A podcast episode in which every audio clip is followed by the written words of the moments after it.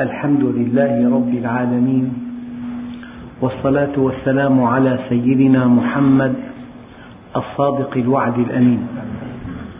اللهم لا علم لنا إلا ما علمتنا إنك أنت علام الغيوب. اللهم علمنا ما ينفعنا وانفعنا بما علمتنا وزدنا علما وأرنا الحق حقا وارزقنا اتباعه. وأرنا الباطل باطلا وارزقنا اجتنابه. واجعلنا ممن يستمعون القول فيتبعون أحسنه وأدخلنا برحمتك في عبادك الصالحين. أيها الإخوة الكرام مع الدرس التاسع والخمسين من دروس سورة آل عمران ومع الآية السادسة والتسعين بعد المئة. يقول الله عز وجل وإن من أهل الكتاب لمن يؤمن بالله وما أنزل إليكم وما أنزل إليهم خاشعين لله لا يشترون بآيات الله ثمنا قليلا. أولئك لهم أجرهم عند ربهم إن الله سريع الحساب. وقبل هذه الآية لا يغرنك تقلب الذين كفروا في البلاد. الكافر خاسر والكافر في مزبلة التاريخ والكافر مصيره إلى النار. ولو أعجبك من الكافر ماله وشكله وبيته ومدينته الكافر غفل عن المهمة التي جاء من أجلها. الكافر لم يحقق الهدف من خلقه. الكافر خسر الآخرة. ذلك هو الخسران المبين. أيها الإخوة الدنيا مهما طالت أمام الآخرة صفر. ذلك أن الرقم أي رقم؟ واحد في الأرض وأصفار إلى الشمس. وكل مليمتر صفر. كم هذا الرقم؟ تصور واحد أمامه 156 مليون كيلومتر وكل ميل صفر هذا الرقم إذا نسب إلى اللانهاية فهو صفر. الآخرة لا نهاية.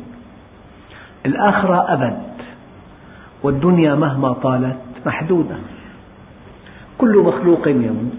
غني أو فقير. قوي أو ضعيف. مثقف أو غير مثقف. صحيح أو مريض. كل مخلوق يموت ولا يبقى إلا ذو العزة والجبروت إن هذه الدنيا دار التواء لا دار استواء ومنزل ترح لا منزل فرح. فمن عرفها لم يفرح لرخاء ولم يحزن لشقاء قد جعلها الله دار بلوى وجعل الآخرة دار عقبة فجعل بلاء الدنيا لعطاء الآخرة سببا وجعل عطاء الآخرة من بلوى الدنيا عوضا. فيأخذ ليعطي ويبتلي ليجزي أنا أؤكد أيها الإخوة أن كل إنسان شاء أم أبى في أعماقه مقياس للتفوق. شاء أم أبى. وهذا المقياس منتزع من عقيدته ومنتزع من إيمانه ومنتزع من مفهوماته ومنتزع من رؤيته. فحينما ترى المال قيمة كبيرة جدا تسعى إليه ولو على حساب دينك. وحينما تعطي المال حجما كما حجمه القرآن فأما الإنسان إذا ما ابتلاه ربه فأكرمه ونعمه فيقول ربي أكرمن هذا كلامه. وليس هذا صحيحا. وأما إذا ما ابتلاه فقدر عليه رزقه فيقول ربي أهانن كلا. كأن الله عز وجل يقول يا عبادي ليس عطائي إكراما ولا منعي حرمانا. عطائي ابتلاء وحرماني دواء. المال حظ موقوفة قيمته على طريقة استخدامه. إذا أنفق في طاعة الله كان سلما ترقى به. وإذا أنفق في معصية الله كان دركات تهوي بها.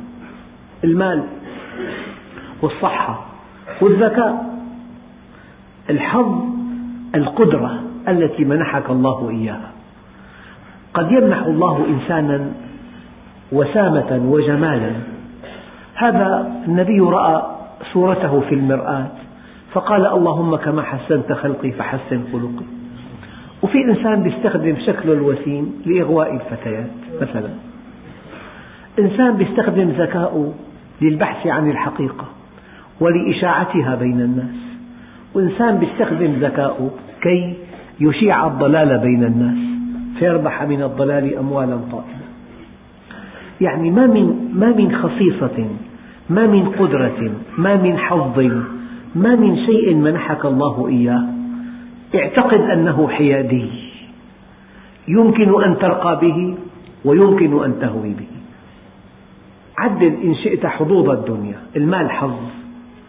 والوسامة حظ والصحة حظ والذكاء حظ وطلاقة اللسان حظ والزوجة حظ والأولاد حظ والمنزل الواسع حظ والمركبة حظ.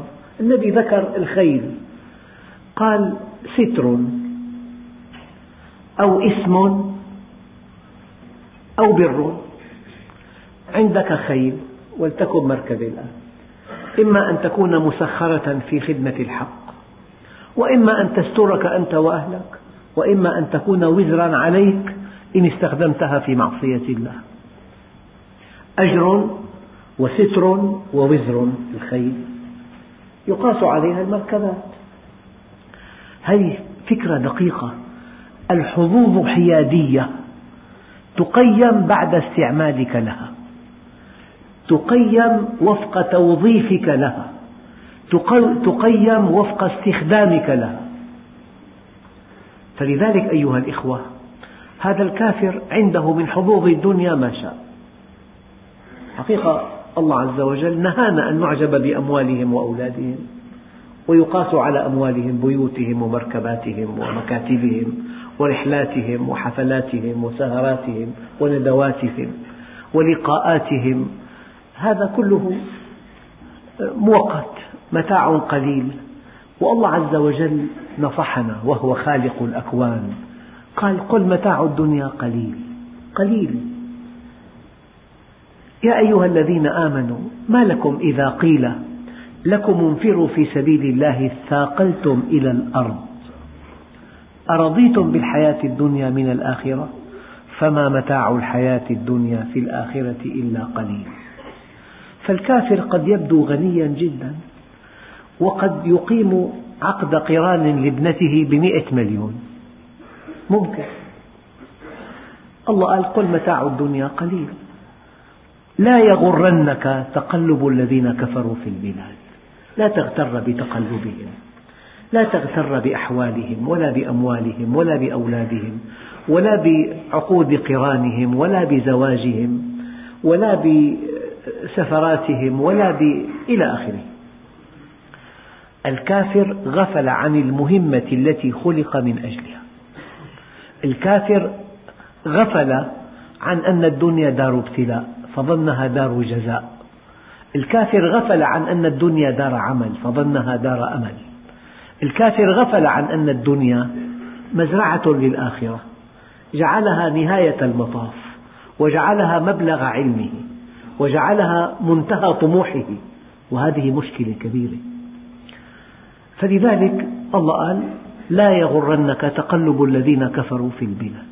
قد يتقلبون من منصب إلى منصب ومن مكانة إلى مكانة ومن بيت إلى بيت ومن مركبة إلى مركبة ومن مستوى إلى مستوى. لا تغتر أي لهم حجم عند الله أقل مما تراهم. لو أن الدنيا تعدل عند الله جناح بعوضة ما سقى الكافر منها شربة ماء. لكن إذا جاءت الدنيا وأنت مؤمن هي من, نعم من نعمة الله الكبرى.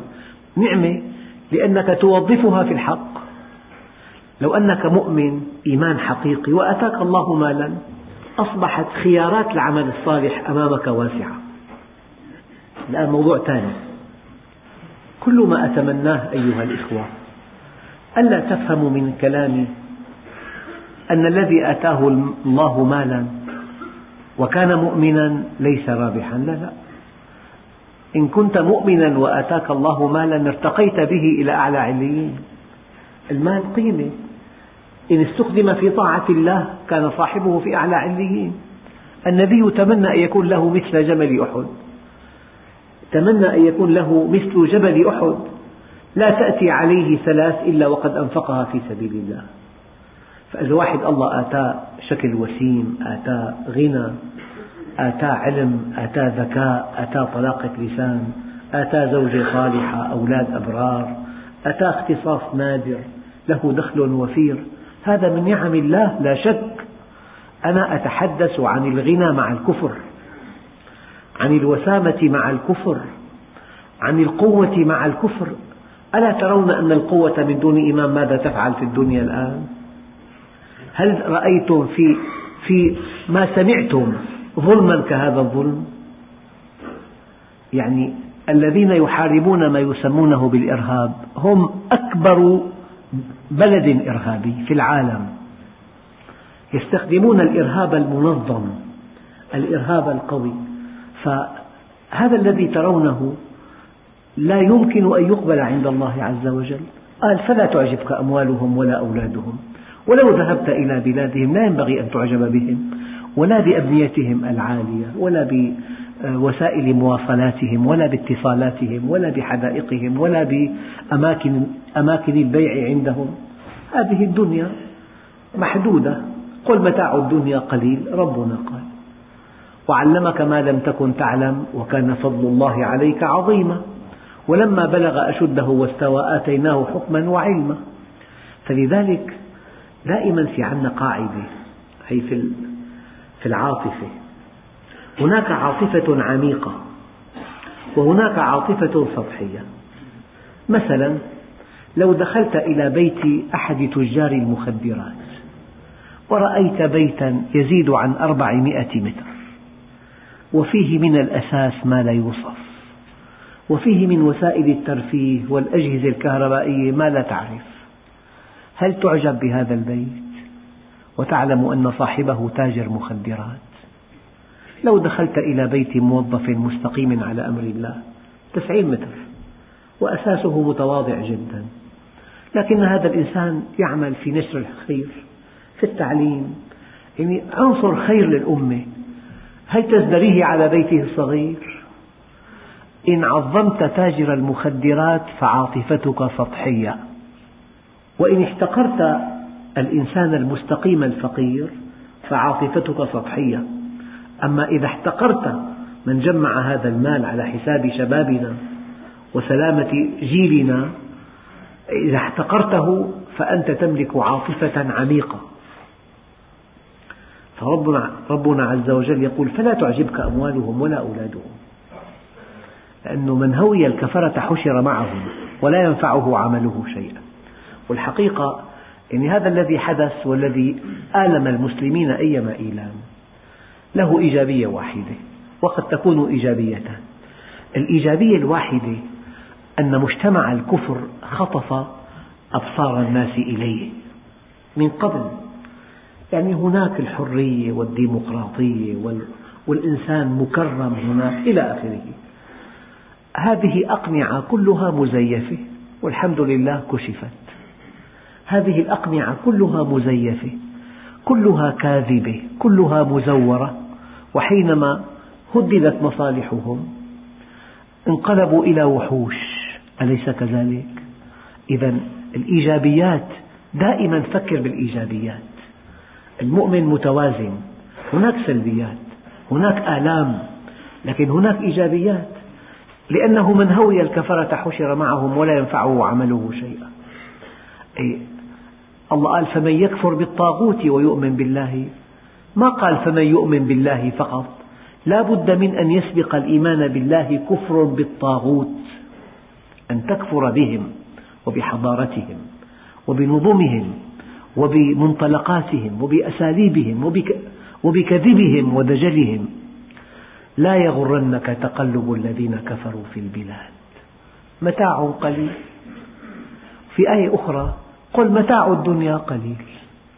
إلهنا ربنا مولانا خالقنا بارئنا مصورنا الذي مصيرنا إليه يقول لك قل متاع الدنيا قليل. ويقول لك فمن زحزح عن النار وأدخل الجنة فقد فاز. وما الحياة الدنيا إلا متاع الغرور. يقول لك ومن يطع الله ورسوله فقد فاز فوزا عظيما.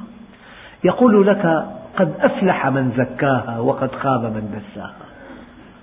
هذه مقاييس التفوق في القرآن الكريم. مقياس التفوق أن تزكي نفسك أن تعرفها بربها أن تحملها على طاعته أن تتقرب إليه بخدمة خلقه. مقياس التفوق أن تطيع الله ورسوله. مقياس التفوق أن تنجو من النار. وعزتي وجلالي لا أقبض عبدي المؤمن وأنا أحب أن أرحمه إلا ابتليته. بكل سيئة كان عملها سقما في جسده أو إقتارا في رزقه أو مصيبة في ماله أو ولده. حتى أبلغ منه مثل الدر فإذا بقي عليه شيء شددت عليه سكرات الموت حتى يلقاني كيوم ولدته أمه. قل متاع الدنيا قليل هي أشياء خطيرة جدا لأنه إن اعتقدت هذا الاعتقاد ترتاح نفسك وترى نفسك فائزا. أما إذا كنت غافلا كنت غافلا عن الله تعيش مقاييس أهل الكفر. مقاييسهم المال فقط القوة فقط. أين بيتك؟ في أي حي؟ ما مساحته؟ كم كلفك؟ هل زينته؟ ما نوع الأساس الذي فيه؟ ما نوع مركبتك؟ لو ذكرت له أعلى نوع. يقول لك رقمها 600 لما 550 لما 280 لما 190 في آخر الزمان قيمة المرء متاعه قال سيدنا علي. قيمة المرء متاعه فقط. فلذلك لا يغرنك تقلب الذين كفروا في البلاد. لا, لا تنظر إليهم. أنت في, في زمن فيه إعداد للآخرة. لا يغرنك تقلب الذين كفروا في البلاد متاع قليل. ثم مأواهم جهنم وبئس المهاد. العبرة من يضحك آخرا من يضحك أولا يبكي كثيرا ومن يضحك آخرا يضحك كثيرا. الإنسان يولد كل من حوله يضحك إلا هو يبكي وحده. فإذا شارف الموت كل من حوله يبكي. فإذا كان مؤمنا يضحك وحده. والله قبل أيام يعني قلت كلمة شيعت جنازة ورأيت حالة الدفن. قلت والله ما من إنسان على وجه الأرض أذكى وأعقل ممن يعد لهذه الساعة التي لا بد منها. أبدا. لا ينجو منها أحد. عمر مديد تدخل بيتك وتخرج منه منتصب القامة. وفي مرة واحدة لا بد من أن تخرج منه محمولا. كل يوم تقرأ عشرات النعوات ولا بد من يوم يقرأ الناس فيه نعوتك. شئت أم أبيت؟ هكذا نحن جميعا. ما من خروج من البيت إلا والأهل ينتظرونك. لم يأتي بعد. الساعة الثانية عشر. إلا بعد الدفن ما أحد يقول لم يأتي فلان انتهى خلاص. ذهب ولم يعود فهذه الساعة التي لا بد منها ينبغي أن نعد لها. فلا يغرنك تقلب الذين كفروا في البلاد يعني لا تستخدم مقاييسهم. أنت إنسان مستقيم تعرف الله عز وجل. قد يكون دخلك محدود. لو التقيت بواحد من أهل الدنيا ما بيقيمك إلا من دخلك. ماذا تعمل يا ابني؟ والله موظف. كم يعطونك؟ قل له أنت تأخذ خمسة. قل له عشرة. استر حالك بس عشرة؟ ما بيكفوك. كيف عايش؟ مقياس مادي محض. لا تصاحب من لا يرى لك من الفضل مثل ما ترى له. صاحب أهل العلم صاحب المؤمنين بقدر فيك إيمانك بقدر فيك طاعتك لله بقدر فيك استقامتك بقدر فيك حرصك على الحق بقدر فيك طموحاتك بقدر فيك بطولتك أما إن صاحبت أهل الدنيا لا يقدرون فيك إلا مقاييسهم هم أموالهم. لذلك ورد أنه من دخل على الأغنياء طبعا غير المؤمنين والله لا أتكلم عن الأغنياء إلا إذا كانوا بعيدين عن الله. أما والله المؤمنون والله تشتهي أن تكون مثلهم من تواضعهم ومن سخائهم ومن حبهم لله. وقد أكرمهم الله بهذا الغنى ليكون سلما لهم إلى الجنة. أنا لا أتحدث إلا عن هؤلاء الشاردين الغافلين المستكبرين المتغطرسين. أما المؤمنون والله المؤمن تحبه غنيا من تواضعه وسخائه وتحبه فقيرا من عفته وتجمله وتحبه ذا دخل محدود أو ذا دخل غير محدود تحبه من الريف كل الطهر والبراءة فيه. وتحبه إذا كان من المدينة. تحبه إن كان من أسرة عريقة متواضع. وتحبه إن كان من أسرة متواضعة. يعني المؤمن أنا أقول كلمة لا يجوز في عالم الإيمان أن تضيف على كلمة مؤمن ولا كلمة. أبدا. مؤمن حاجب تحبه. مؤمن مدير عام تحبه. كلاهما متواضع كلاهما متجمل كلاهما يعرف حدود الله كلاهما متأدب. فلذلك أيها الإخوة لا يمكن أن تقوم الحياة إلا على مقاييس القرآن. كان قصير القامة واحد من التابعين.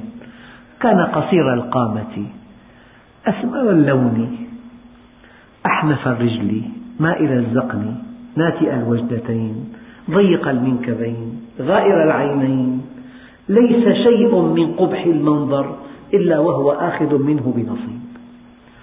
وكان مع ذلك سيد قومه. إذا غضب غضب لغضبته مئة ألف سيف لا يسألونه فيما غضب.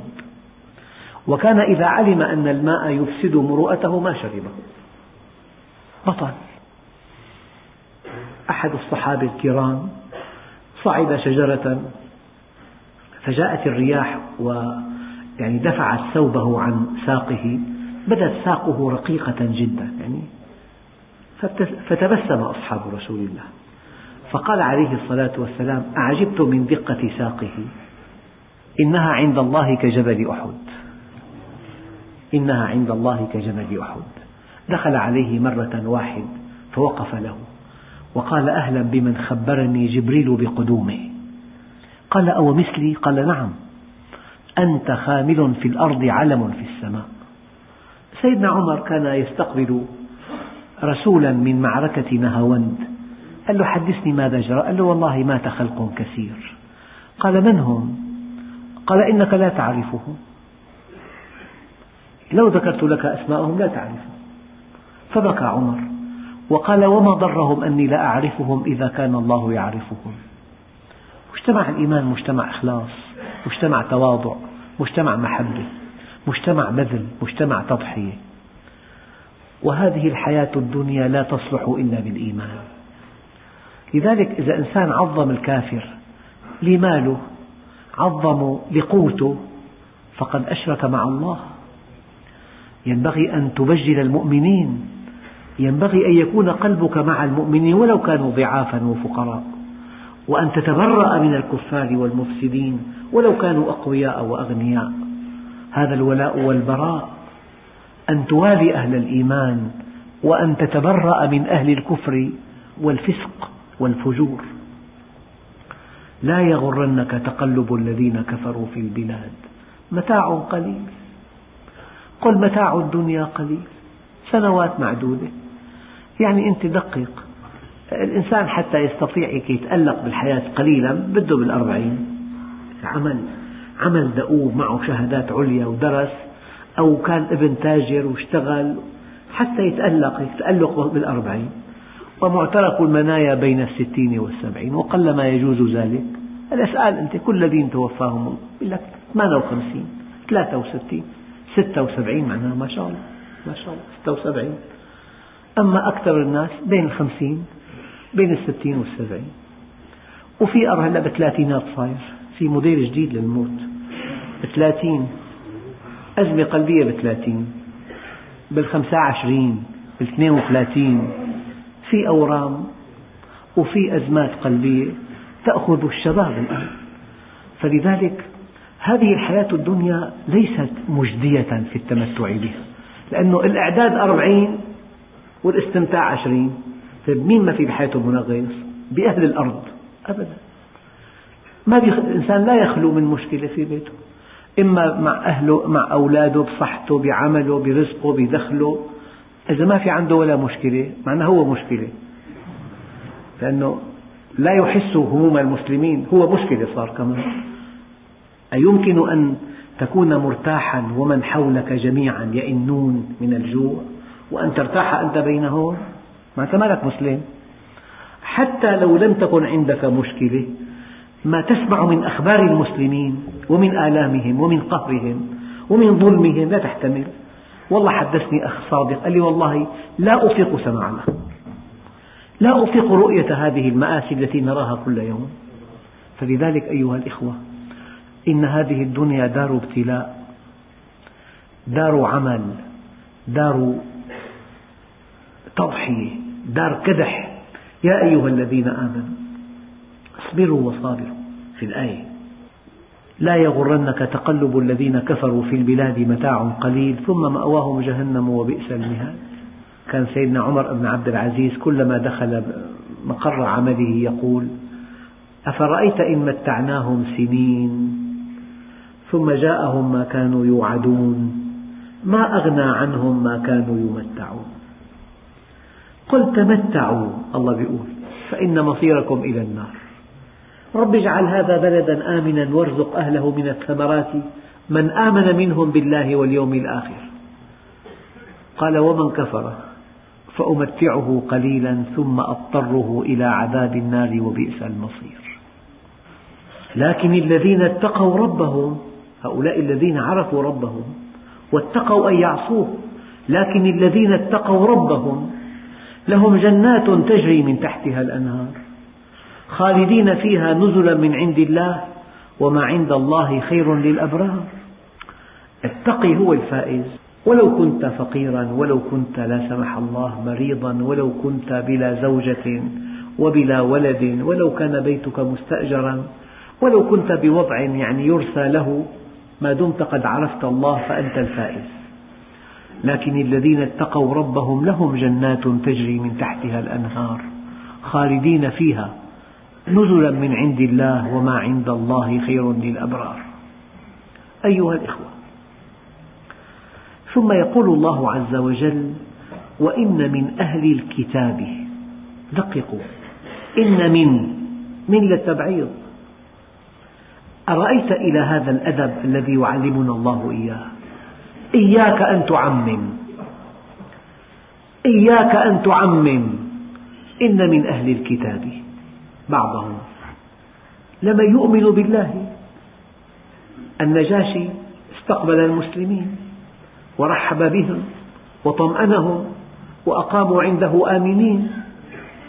وقال لو أتيح لي أن ألقى النبي لغسلت عن قدميه. والنبي صلى عليه صلاة الغائب. وحينما أمرهم أن يصلوا عليه عجب بعض الصحابة من هذا الذي نصلي عليه؟ فجاء الرد الإلهي وإن من أهل الكتاب لمن يؤمن بالله وما أنزل إليكم وما أنزل إليهم. الآن دققوا. دخلنا في موضوع دقيق. أولا تعلم من الله الموضوعية. تعلم أن الموضوعية قيمة ثمينة. هي قيمة علمية وقيمة أخلاقية في وقت واحد. لست عالما إذا حشوت ذهنك بالمعلومات ولكنك تعد عالما إذا كنت منصفا في أحكامك. لا تحكم حكما ظالما. لا تغفل الإيجابيات وتبرز السلبيات.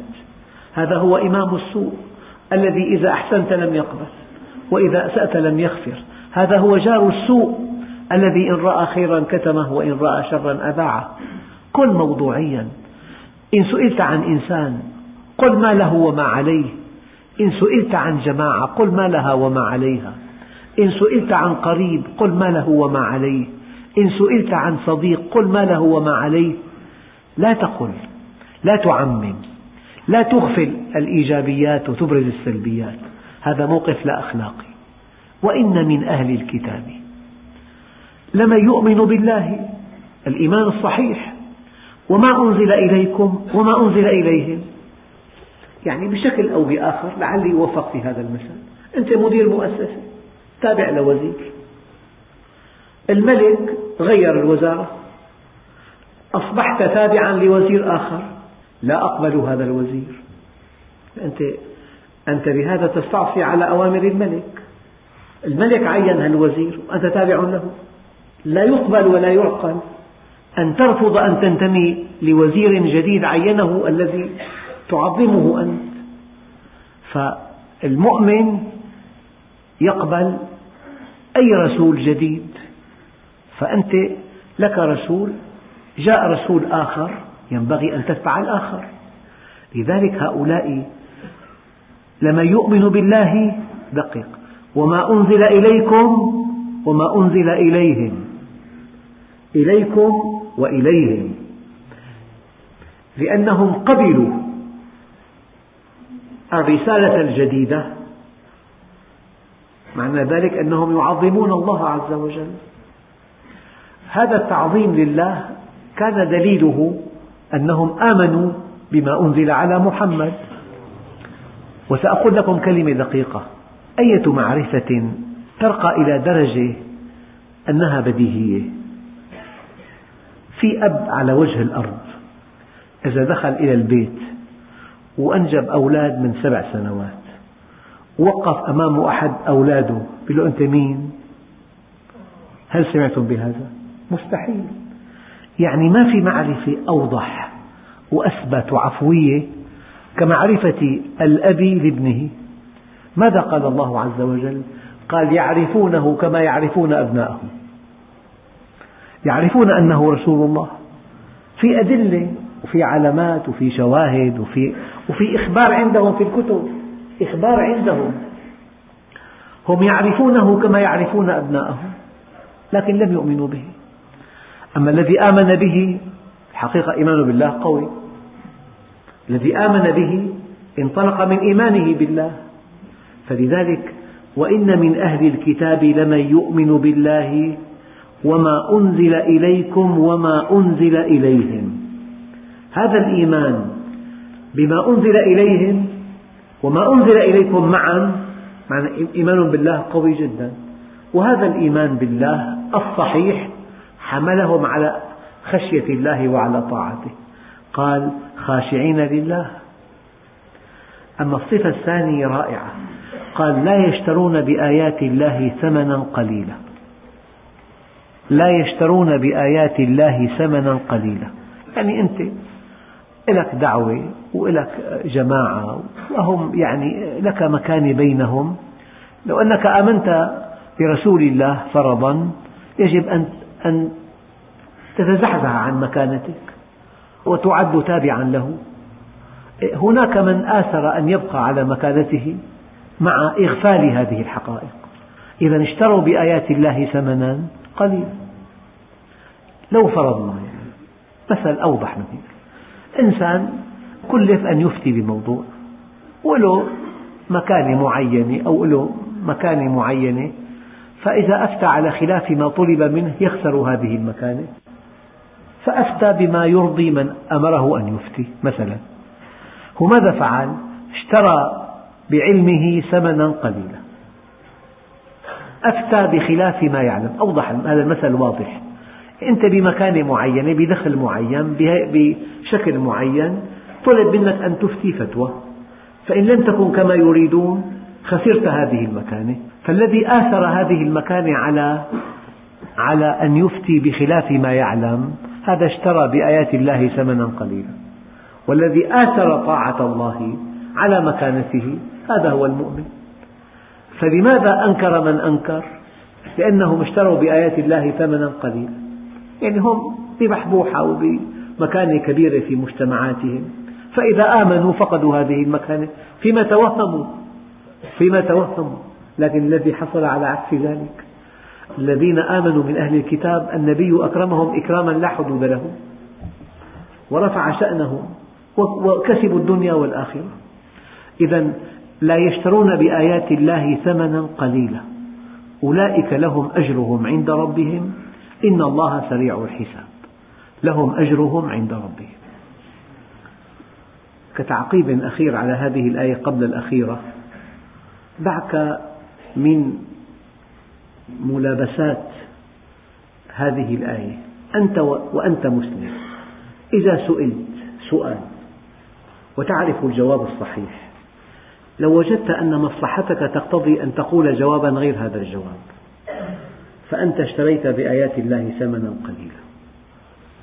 لو سئلت من إنسان قوي عن شيء وأدركت بالحاسة السادسة أنك إذا قلت له كما يهوى تعلو عنده. اشتريت بآيات الله ثمنا قليلا. إن أفتيت بخلاف ما تعلم اشتريت بآيات الله ثمنا قليلا. ضمن الدين الواحد يعني. إن, إن نطقت بالباطل تقربا إلى زيد أو عبيد أو إن سكت عن الحق اتقاء لشيء لا تريده اشتريت بآيات الله ثمنا قليلا. فلذلك هي آية دقيقة جدا.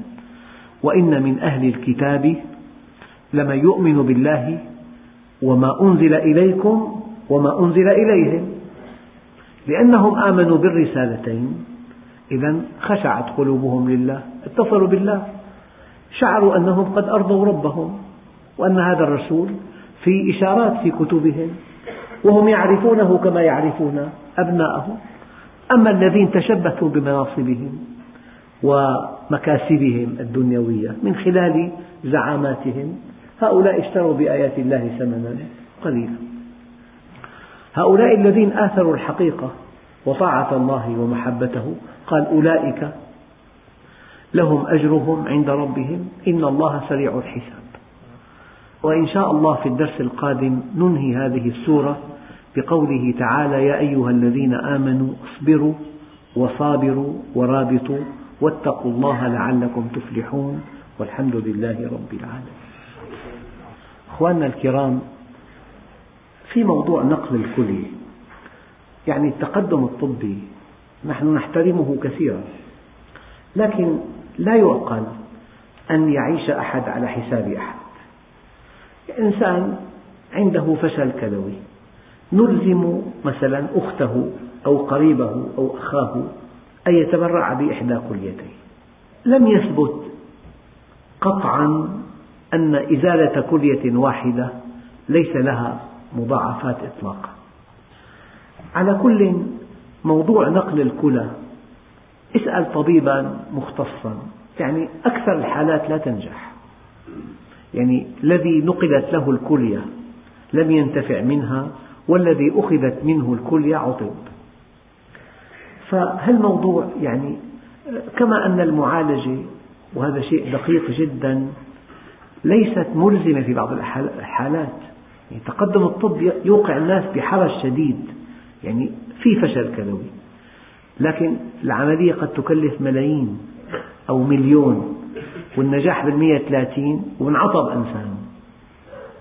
فما كل تقدم طبي ينبغي أن نسيره نحن لكن نحن في عنا منهج. فالموضوع لا يزال خلافي وشائك. إذا كان في تبرع بين أقارب موضوع أقل مما لو تباع الكلية. طبعا أن يبيع الإنسان كليته هذا شيء غير مقبول إطلاقا وبعض القوانين في بعض البلاد تحاسب عليه. هل تصح توبة المريض الملقى على فراش الموت؟ النبي يقول ما لم يغرغر والغرغرة صوت حشرجة الروح حين خروجها من الحنجرة. إن وصلت الروح إلى هذا المكان هذه الغرغرة يقفل باب التوبة. نقول أنه إنسان يحب يحضر دروس الدين ولم يستطع ترك المعاصي بشكل كامل فهل يترك الدروس ويعود إليها لاحقا بعد ترك المعاصي؟ تتفاقم المعاصي بعدها. يعني إذا في وأنت في الدرس تستمع إلى الحق وتتذكر وفي جو ديني وفي شحنة روحية وتقترفها فإذا تركت الدروس معنى ذلك قد تنتقل إلى أكبر. لا يجب أن تبقى في الدروس وأن تضم إلى الدروس الاستقامة التامة والتوبة. الحاسة السادسة يستعملها بعض علماء النفس. إحساس عام من دون دليل. يقول لك هيك شعرت. هذا شيء يستخدم. قال هل صيد العصافير محرم؟ العصفور إذا اصطاده إنسان لغير مأكلة. أتى يوم القيامة وله دوي كدوي النحل. يقول يا رب سله لما قتلني. هناك صيد محرم قطعا. أن تصطاد لغير مأكلة. لست مضطرا. الإنسان كم عصفور حتى يشبع. ما في شيء ما في ما في شيء إطلاقا. فلذلك يا رب سله لما قتلني. وللصيد بحث طويل. السؤال يؤمن المسلم بأن نعيم القبر وعذابه. والسؤال هل هناك أدلة من القرآن تفسر عذاب القبر؟ نعم. قال تعالى النار على آل فرعون يعرضون عليها غدوا وعشيا ويوم تقوم الساعة أدخلوا آل فرعون أشد العذاب. عذاب القبر حق وفي آية قرآنية تؤكد ذلك. والحمد لله رب العالمين.